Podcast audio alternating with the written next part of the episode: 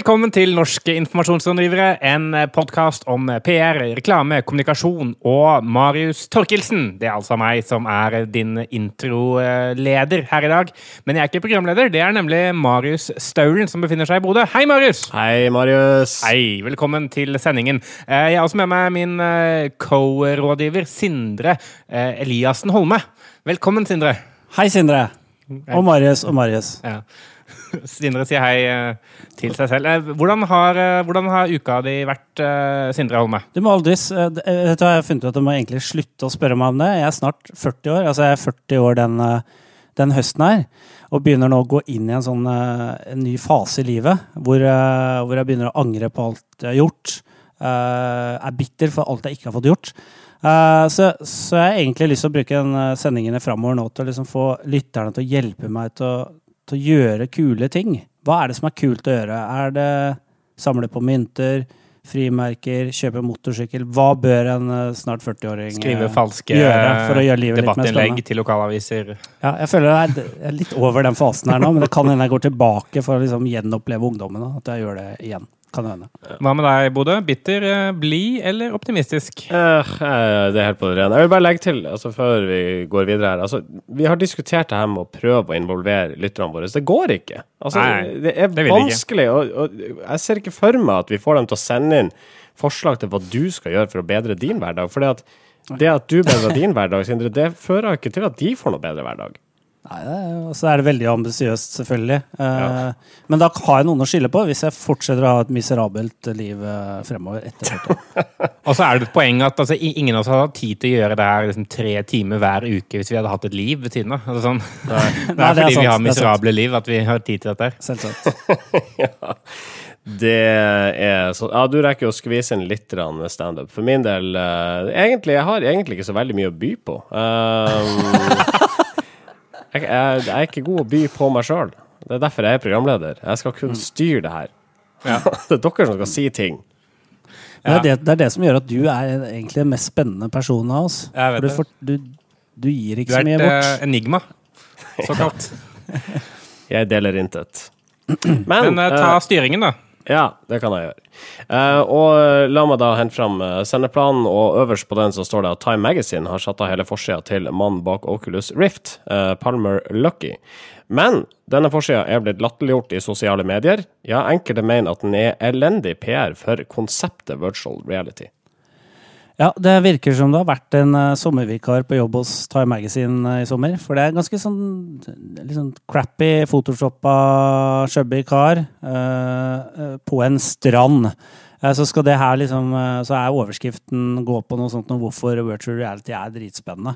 Uh, og det er et ganske dårlig, kjedelig bilde. Uh, og han Palmer Lucky ser jo ut som han er på en måte Ser ut som han er en slags fugl som er på vei til å ta av på en strand. Litt sånn chubby fugl i sånn mintgrønn T-skjorte, eller skjorte. Med brillene på, da, selvfølgelig. Med brillene på, selvfølgelig. Og noen har jo ment at dette er sånn dødsstøtet for virtual reality fordi det var så stygt. Det ser så lame ut, da. Ja, fordi det er jo Det kan jo ikke være dødsstøtet for virtual reality, ei uheldig Time-forside. Vet du eh, hvor mye lite som skal til? Tydeligvis ikke. Tydeligvis ikke. ja, men jeg, jeg tenker Enten så er det tidenes eh, Altså, det, det ser ut som en, eh, en forside som er lagd sånn i Windows 95, eller noe sånt. Paint Windows 95. Eh, men det kan også hende, at det bare er moderne kunst, på en eller annen måte. Altså, det kan hende at uh, For jeg, jeg forstår ikke at et, et magasin sånn som Time lar dette slippe gjennom uten å ha en tanke bak det. Så jeg tenker kanskje at dette skal bli en sånn ikonisk forside.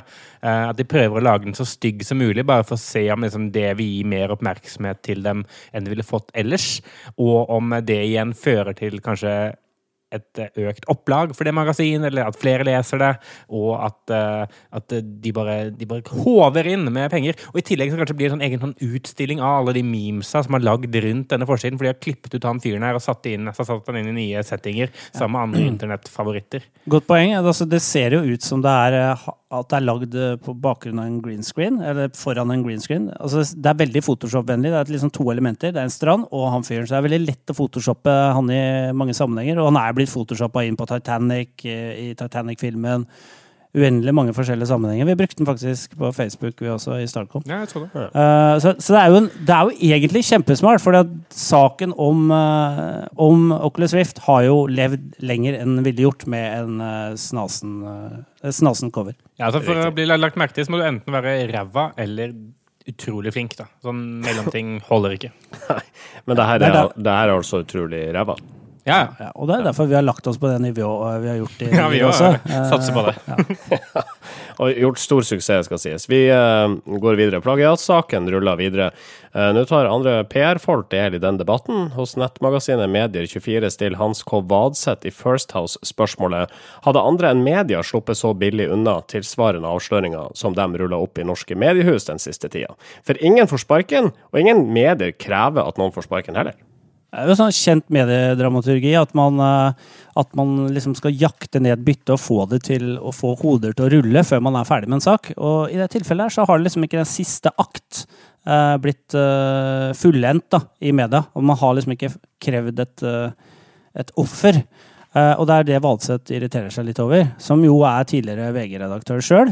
Uh, og sier at uh, hvorfor har ikke det fått konsekvens, konsekvenser i Aftenposten f.eks.? Hvorfor får Kjetil Østli lov til å fortsette å, å skrive spalter der? Uh, hvorfor skjer det ikke, ikke sant, i DN? Hvorfor Kanskje noen andre burde måtte gå fordi at Lederen i, i Dagbladet Magasin eller D2 burde ha sett dette her. Mm, systematisk juks over tid burde ha vært avdekka mye tidligere, og det må noen ta konsekvensene av. Selv om det ikke skulle skje, men det skjedde. Men det som er litt interessant, syns jeg, med den saken her, er at det, du skjeld, det, det, det, har jo skjedd uh, kriser, eller liksom media har gjort feil tidligere, men ofte jeg har aldri sett liksom at, at skylda har blitt lagt på personer i så stor grad som nå. Og det er klart, gjør man det, så klarer man som redaktør og som avis å komme seg unna. da. Fordi at ja. man plasserer skylda, så ser man at det er, ingen, det er ikke systemfeil. Det er én persons verk. Ja, for det syns jeg altså, Apropos offer, så er jo altså, han Butenschøn Oi, jeg sparka mikken hvis, hvis, det, hvis det er greit for dere. La være i fred. Jeg prøver det. Ja. Ja, jo, men det jeg skal si var at han eh, godeste Daniel Butenschøn han, eh, han, har i hvert fall fått et litt kjipere liv som følge av dette. Han mista jo den uh, redaktørstillingen han skulle få i Tinnitus-stiftelsen eller noe sånt. Og tinnitus og dårlig hørsel. Tinnitus, ja. Tinnitus, mm. tinnitus. Ja. Eh, og han, eh, han, har jo blitt et verb, nesten. Eh, og Butenschøn og noe. Mm. Eh, bruker Butenschøn. Så er noen, var det du som eh, tulla med det på Twitter? Ja, altså å butenskjenne på noen. Eh, ja, ja, det var det. Ja, stemmer. Ja, men uansett, han, han har blitt liksom symbolet på alt, da. Stakkars Daniel Butenschøn. Uh, vi krever ikke at noen skal gå, for øvrig. Altså, forstå oss rett her. Det, vi har ikke noe sånt krav, vi. Nei, Jeg syns det er bedre at uh, norske journalister kopierer bra utenlandske artikler og skriver egne som er dårlige. ja, Godt poeng. All right, vi har snakka oss varm. Jeg sier hjertelig velkommen til Norske informasjonsrådgivere, episode 118. Norske informasjonsrådgivere. Nettannonser fungerer for dårlig. Det mener New York Times, som nå vurderer å skrote egen annonsemodell. De mener mobilannonseringa ikke er god nok, og vil heller la annonsørene sjøl tilpasse egne annonser til lesernes bruksmønster gjennom dagen. Det nye produktet vil altså være skodd over noenlunde samme lest som Facebook-annonsene, altså havner det inne i feeden din nedover nettavisa, og så skal den enkelte annonsør bruke sin innsikt om kundemassen for å lokke kundemassen til seg. Ja, det er eh, New York Times ved Sebastian Tamic, eller Tamic, litt uh, avhengig av hvordan man uttaler det, som, uh, som har sagt dette her til Adage denne uken. Og, og, poenget hans er det at for det første så, så, er de annonseformatene som da en del nettaviser opererer med, de er i dag ikke eh, gode nok. Altså, han, han, mener det at, eh, at de, de, gir ikke godt nok rom for å påvirke eh, leser eller påvirke kunde på den måten som de trengs å bli påvirket, og de, de oppleves som forstyrrelser eller som i veien for eh, det øvre innholdet. Og Derfor har, han, eh, derfor har de i New York Times egentlig bestemt det at de har lyst til å tilpasse annonsen ut ifra brukermønster, som var, som du, sa. og det, det, betyr det at om morgenen for, for, for eksempel, så er folk mer opptatt av å lese liksom, hva som har skjedd i løpet av natta. Eh, korte tekstbaserte saker. Eh, mens de på ettermiddagen for eksempel, ser mer web-TV, mer eh, dypere underholdningsrelatert stoff. og Derfor kan man tilby en annen type annonser i det moduset. Ja, hvilke forskjellige typer annonser kan man tilby på forskjellige tider av døgnet? Altså en annonse på morgenen som kanskje ikke passer like bra på ettermiddagen? Ja, for eksempel at uh, altså en, en, annonse La oss ta for samme produkt. Da, la oss si liksom, uh, Coca-Cola skal, skal, selge et eller annet. Uh, så om morgenen så måtte de hatt en liten liten, eh, nesten ren tekstbasert annonse som forteller om kanskje de opp, den oppkvikkende effekten ved å drikke en Coca-Cola før eh, jobb. Mens på ettermiddagen så kunne de vist den nye brand-filmen sin, eller hatt et mobilspill som lå inni en sak, eh, og som leseren kunne more seg med. Mens det ikke ville fått liksom, noe oppmerksomhet om morgenen. Mm. Ja, det er jo ganske sånn radikalt, for det er mange som mener at nei, vi kan ikke bare skrote annonsen. og dette er jo først og fremst Først er jo dette en test, men, men så er det jo også sånn at det deler vel mediedøgnet opp i syv, tror jeg det eller noe sånt. Og så, så er det sånn at én annonsør har bare lov til å ha ett, en av de syv delene eh, hver dag. Og det hindrer jo kanskje da at man blir veldig, veldig lei av å se de samme annonsene på nytt og på nytt. Mm annonsetretthet skal unngås. Ja, og, og dette, dette er også blitt en, eh, en eh, sak i, i, Norge. Kampanje slo opp dette her eh, tidlig denne uken og, og, meldte det at New York Times mener ingen mobilannonse funker. Og, og, det fikk jo ulike norske mediehus til å svare, fordi de er jo selvfølgelig, eller vi kanskje jeg skal si nå, som jeg jobber i Aftenposten, er jo in, in, interessert i å, å forsvare det at annonsører skal bruke penger på annonsene. Eh, og Det syns jeg er interessant med, med mediehusene, at de, fortsatt, de selger jo fortsatt annonser på eh, argumentet om at veldig veldig mange bruker mobil, og du må jo være der som veldig mange andre er. Eh, og så skal, skal, det sies også at eh, vet, både VG og Aftenposten eh, bruker litt andre annonseformater enn det New York Times har gjort, visstnok, så, så det er visst en forskjell der også på effektiviteten. Men, men likevel så, så, så virker det like som om eh, altså Det argumentet kan man brukt om, om det meste. da, altså Mange gjør det, derfor må du være der. Men istedenfor å, å snakke enda mer om, om, hva er det som er bra med det moduset man befinner seg i løpet av dagen, og hvordan kan vi sikre at de er relevante der. da, og Det, det, det gjør man til dels, men, men der tror jeg også at man har noe å lære av f.eks. New York Times. da. Vi får nøye oss med å uh, se fram med spenning, som vi ofte gjør, til vi har noe resultat av denne nye måten å tenke annonser på. Ja, alt er hypotetisk inntil videre, så. ja, det er sant, det. Norske informasjonsrådgivere. Microsoft Norge har besluttet å kvitte seg med selgerne sine. Dermed så må seks ansatte finne seg et annet sted å være mellom åtte og fire. Software-giganten satser nå på automatisk annonsesalg gjennom et samarbeid med selskapet AppNexus, som ifølge kampanje er et av verdens ledende selskap innen annonseteknologi. Ja, dette er jo resultatet av den herre automatiseringen som uh, skjer i stadig større grad av type annonsesalg uh, rundt omkring. Og det er kanskje ikke noe overraskende at Microsoft er først ute i, Norge. Altså, Norge er et lite marked for Microsoft, og, det var vel seks stillinger der som de har Eh, nå, eh, eller seks personer som nå må omskolere seg i Microsoft eh, for å gjøre litt andre ting enn å selge annonser. Jeg merker meg også at Dagbladet også er, er på banen og snakker om er også liksom veldig enig i det Microsoft gjør, eller de sier at selvfølgelig du trenger fortsatt selgere, for du trenger den personlige kontakten. Du må ikke undervurdere den. Samtidig så sier Per Brikt Olsen i Dagbladet, som er salgssjef, det er markedssjef der, han sier at i fremtiden så må selgerne være en blanding av økonomer og dataingeniører. Og det tenker jeg Det utsagnet der sier jo at uh, samtlige selgere i samtlige norske mediehus må nå begynne å Planlegge å ta en bachelorgrad. Nettopp. Nei, men det er jo det er en, en naturlig utvikling på mange måter. At, at mange selgere, i, spesielt i mediene, har jobbet uh, på den måten hvor de har prøvd å skape gode relasjoner til de ulike byråene eller ulike enkelt store kunder. Eh, og bruke, eller benytte seg av de relasjonene til å, til å måtte, forstå behov og, og, selge på bakgrunn av det. Eh, men, men samtidig så, så har, har det også vært en viss sånn eh, En viss følelse av at disse selgerne har jo, har jo noen budsjetter de skal nå hver måned, og, og det har alltid vært en balanse mellom det som er kanskje medienes behov for å selge og kundenes behov for å kjøpe, som det egentlig er med alle mulige konsulenttjenester. Eh, Nå må de i mye større grad bli eksperter på hvordan eh, deres lesere er, da, og hva de liker og hva de foretar seg, og hjelpe sine kunder med å velge eh, deres mediehus gjennom programmatiske eller automatiske kjøp. Men det er så Det er- slitsomt.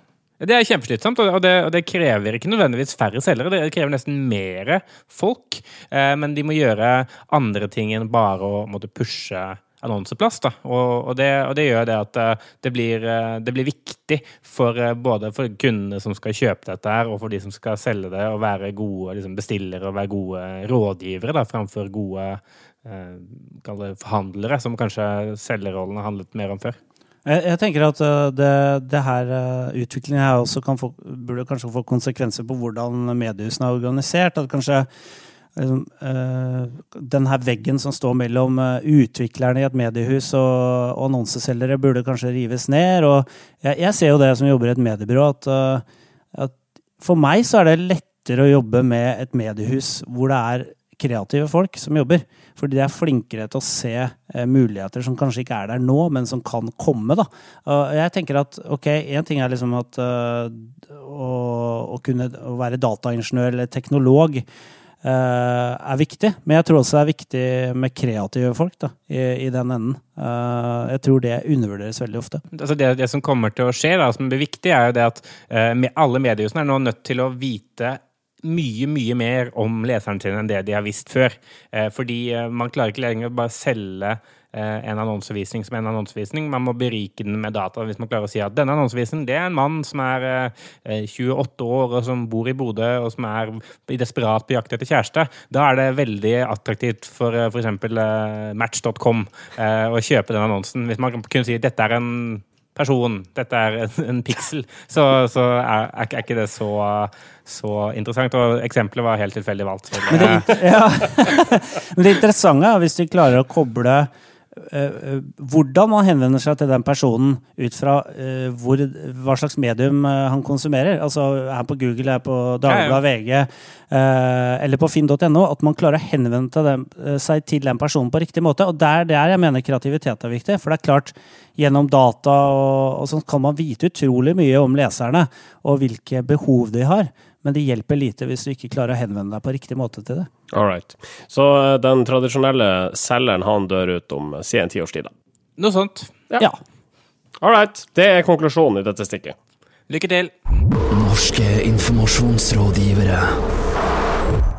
Nettavisa sporten.com sliter om dagen. Ifølge Finansavisa har selskapet siden oppstarten i fjor eh, høst kvitta seg med mange journalister. Men det har ikke noe med manglende finansiering å gjøre, ifølge gründer der borte Ole Kristian Hustad. Vi har bare hatt feil folk, sier han. Ja, det er ganske sånn uh, tydelig og, og frekk og over, overraskende påstand fra tidligere Apt-gründer Ole Kristian Hustad. Eh, fordi uh, de har jo sagt opp halvparten av staben sin. De var ni, nå er de fire eller fem, eller noe sånt. Og, nei, nå, nå er de fem. Og, og han sier på spørsmål fra, fra DN, var det, var det vel, om det har med manglende finansiering å gjøre, og så svarer han La meg si det slik. eh, Vi har hatt feil folk, og vi gjør en kursendring. Og kursendring det føler jeg det er et typisk sånn politikerord. eh, For eh, nå går det ikke så bra, dere. Altså det er sånn, Hvis du vil kvitte deg med hele styret i Norsk Tipping, så gjør du en kursendring, gjør du Ja, ikke det? ja, nettopp. ikke sant? Eh, Det er ikke fordi det er noe galt. Vi bare, bare følte det var behov for en kursendring. Men jeg lurer på hva Det, det skaper jo flere spørsmål enn det det besvarer. og det er- tydeligvis noe bitterhet i sporten.com, som for øvrig er en ganske kul nettside hvis man er opptatt av sport. Men det er spesielt synes å gå ut og være så tydelig på det. Ja, de har jo mange sånn profilerte personer som har vært investorer i sporten.com. Altså, det var jo en veldig sånn uh, de, Han har i hvert fall, han gründeren har klart å selge det inn da, til ganske mange på en overbevisende måte. Uh, det som slår meg, Jeg fulgte jo det nettstedet her en stund og leste en del saker i starten, og så slo det meg at dette her differensierer seg jo ikke så veldig fra andre sportssider på nettet. Altså, VG Skal du Sporten, ja, ja, dagbladet.no sport. altså, det skal mer til for at jeg skal begynne å lese dette her først og fremst når jeg skal ha sport, tenkte jeg. Uh, så jeg tenker at her så, om det kanskje ikke har hatt feil folk, så har de kanskje ikke vært gode nok til å være genuine da, i sin måte å dekke sport på. Ja, altså, jeg, jeg, jeg syns jo også at, eh, at sporten er, er fin fordi altså, det er en nydelig nettside, eh, og den er fin å lese og sånn, men jeg hadde også forventa kanskje at det skulle være mer dybde. Jeg tenkte sånn ja, Josimar eller sånn Harvest Harvest.as, altså en sånn fantastisk flott nettside med utrolig bra journalistikk. Starta noen ildsjeler. Jeg trodde det skulle være litt i samme gata, men, men eh, jeg tror altså Kanskje det er det det er. At, at, som Sinde sier, at de har, vært, eh, de har rekruttert gamle sportsjournalister som er vant til å eh, bruke 20 minutter på en sak, da, og, og ellers ikke gjøre så mye på jobb.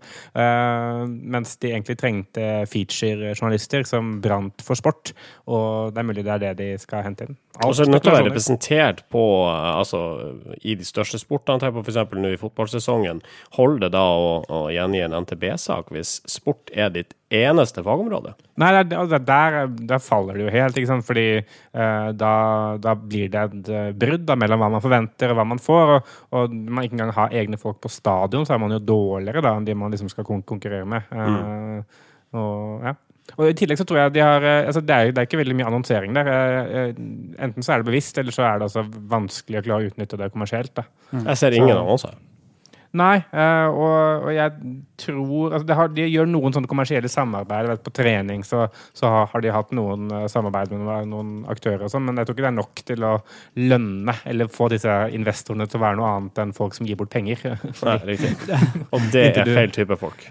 Ja, altså Innen eh, Fotball-Norge så, så er jo alle investorer egentlig donorer, men her så tror jeg de vil ha penger tilbake. Da. Det kan jo hende, det hende sporten.com er bare native ads. Altså at eh, sporten.com faktisk er en nettbutikk, egentlig. Og at den, eh, men det, det ser ikke sånn ut foreløpig, da. Altså, Hele sport er bare oppfunnet av sportsselskapene som sånn content marketing for å selge sportstøy. Og det er en trussel mot det, den redaksjonelle friheten, føler jeg. Hele, Ja, altså sport som konsept. Ja, absolutt. ja, absolutt. Eh, demokratiet. Ja. Da tror jeg vi ønsker sporten.com lykke til med nye folk. Det er du som utrydda den begalske tigeren, altså. Brukte du alle kommunens penger på PR-byrå? Flyttet du makt i favør av andre enn dine oppdragsgivere? Sendte du hatmail til innvandrere mens du satt i regjering? Regjering? Dette skal ikke skje i forhold til det, så legger jeg meg flat.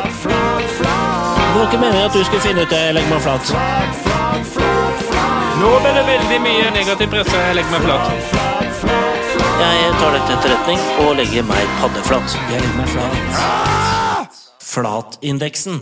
Herlighet, jeg tror sist vi var inne i denne spalten her, så skrev vi juni eller juli. Det vil si at det har vært en haug med flatlegginger eh, i eh, tida vi har vært av lufta, men jeg kjenner rett, Torkelsen, så har du eh, spissa din research i flatindeksen.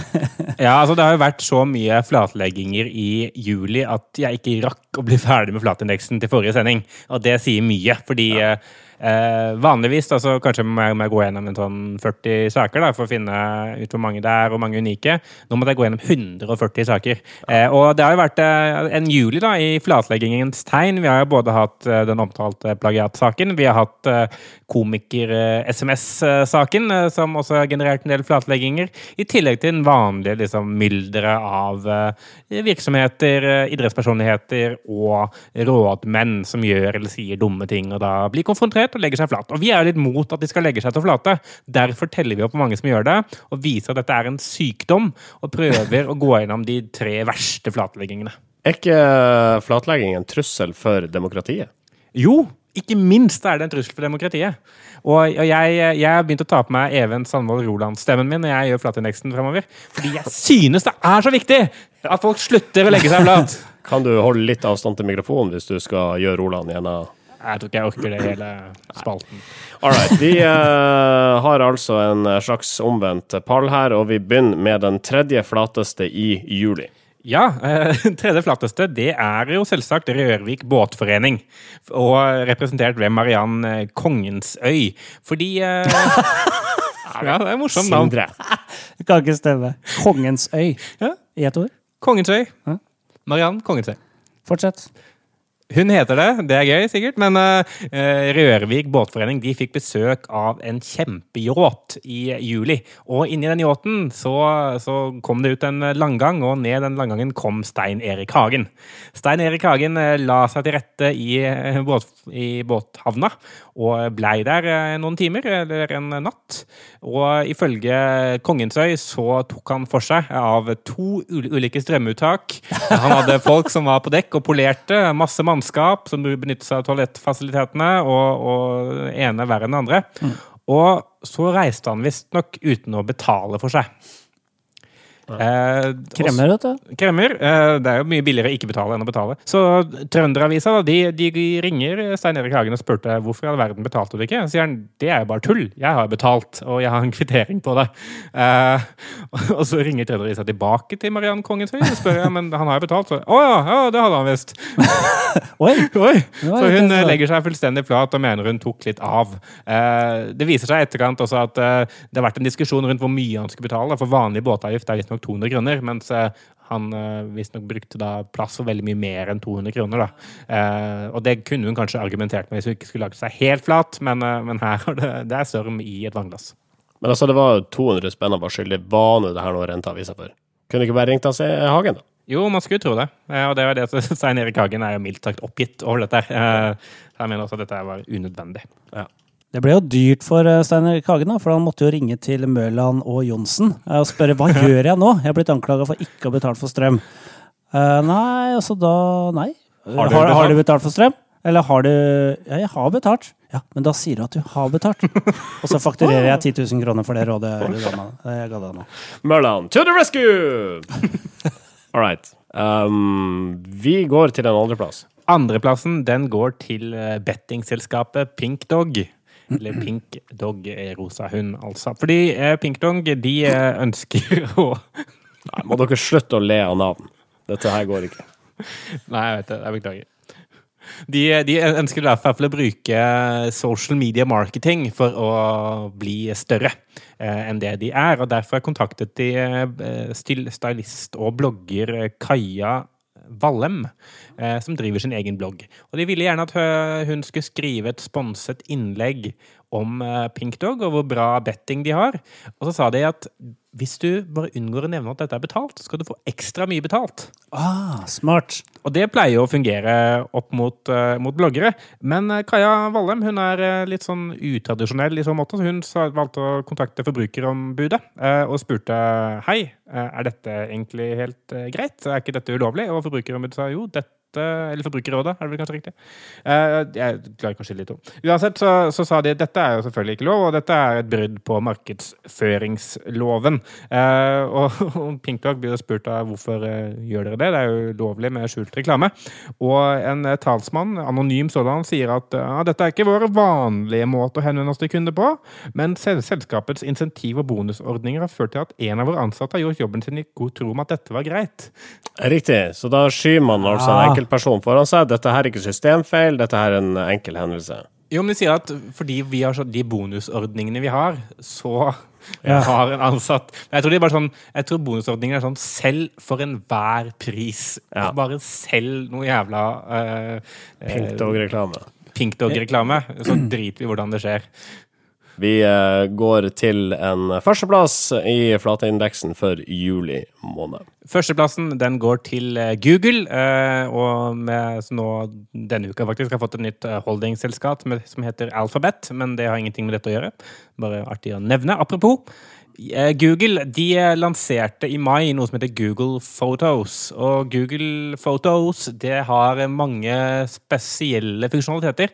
Blant annet så kan det sortere bilder for deg automatisk basert Den gjenkjenner hva som er på bildet, og sorterer den. Så hvis du for har tatt veldig mange bilder av fly, så sorterer den alle eh, bildene av fly inn i ett album. Eh, og så viser det også at hvis du har tatt bilder av deg selv og en venn, eller en forlovet i dette tilfellet, og dere er mørkhudede, da sorterer Google dette inn under kategorien gorilla. Det Det er uheldig. Litt, litt, litt upresist hva vi kunne si at det er. Når teknologi møter virkeligheten, når denne serien kalles. Um, fordi dette, dette opplevde eh, Jackie Alsin når han eh, skulle laste opp et eh, fotoalbum med en ferietur, eller som han og forloveden hadde vært på. Eh, og Alsin han, han tok til Twitter da, og spurte hva i all verden. Verken jeg eller eh, min forlovede er gorillaer. Det kan vi bevise. Google eh, svarte, En tekniker fra Google eh, svarte på dette her og, og fikk tilgang til kontoen og, og fikk eh, ordnet opp i det. Og i etterkant så har også Google uttalt seg til mediene og sagt at vi er forferdet og oppriktig lei oss for at dette har skjedd. Vi har tatt umiddelbare tiltak for å forebygge dette fra å skje igjen. Det er fortsatt mye arbeid å gjøre med automatisk bildemerking, og vi ser på hvordan vi kan forhindre slike feil skjer i fremtiden. Og det tror jeg er bra at de gjør.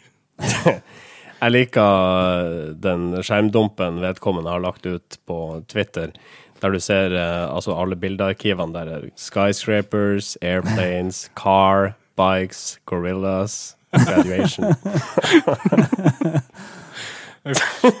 for en kategori, for øvrig. Altså, Hvem tar så mange bilder av gorilla at det er nødvendig å ha en egen kategori for bilder av disse? Nei, jeg, jeg vet ikke helt. Og, og det, eh, løsningen til Google midlertidig har vært å, å bare forby bilder å bli tagga som gorilla. Altså, de har fjerna det alternativet, da. Tar du bilde av eh, gorillaer heretter, så blir de sortert under black guy. Det er, det er problemet, da, som vi kom. Men det jobber Google med å fikse, så det kommer. Lykke til, Google. Ja, men du, Hjertelig tusen takk for en uh, interessant oppsummering av flatleggingene for juli måned, Marius Torkelsen. Nier. Ukas kudos. Kudosen går til fastfood-kjeda Arbis borte i Statesen for sin uh, nesten i overkant sjølironiske reklamesnutt i siste showet til talkshow-leder John Stewart. Ja, eh, John Stewart eh, gikk jo av eh, lufta denne uken. Og Arby's har jo vært en sånn tilbakevendende spøk i, i The Daily Show. Og han, han, altså han refererer til dem som regel hvis det er noe dårlig. Da. Det har aldri skjedd at Arby's har blitt nevnt i positive ordelag i The Daily Show.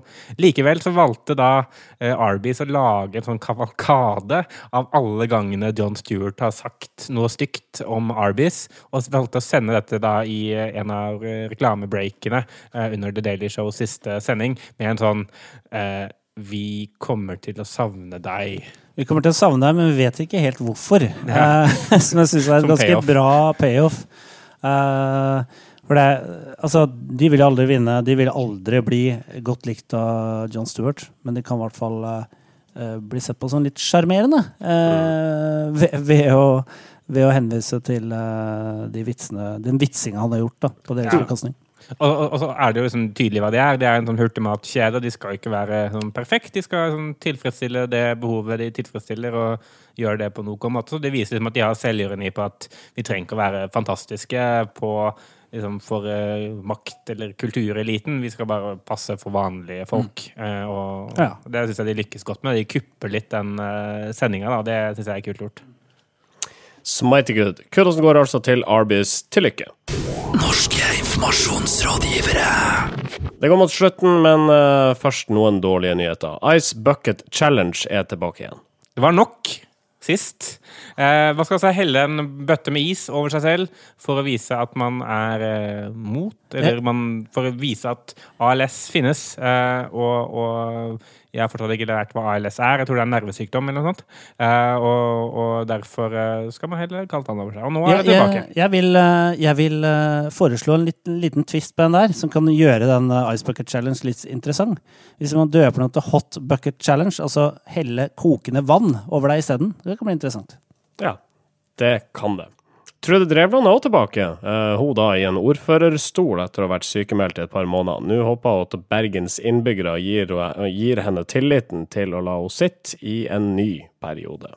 Ja, og øh, hun har gitt et øh, eksklusivt intervju med VG i den anledning, hvor hun snakker ut om forholdet til sin mann, som jo er en advokat som har drevet og svindla en rekke eh, stakkars klienter får penger, og hun snakker om liksom alt det hun har slitt med da, eh, de siste månedene. Og noen mener jo også at, hun, at VG har vært altfor snille med henne og på en måte opptrådt, som mikrofonstativ, og det er vel ganske riktig.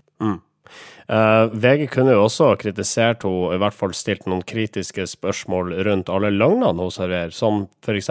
da hun tilbake i oktober i 2014 uttalte at hun aldri mer skulle uttale seg til avisa VG.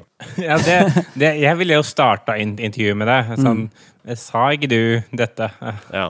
Er det ikke riktig, Trude Drevland, at du sa at du aldri mer skulle snakke med oss i VG? Hvorfor sitter du her sammen med oss i VG? Det hadde vært en pangeåpning på et eh, sånn eksklusivt intervju, tenker jeg. Ja, Det hadde vært classic. Jeg satt tonen. All right. Um, uh,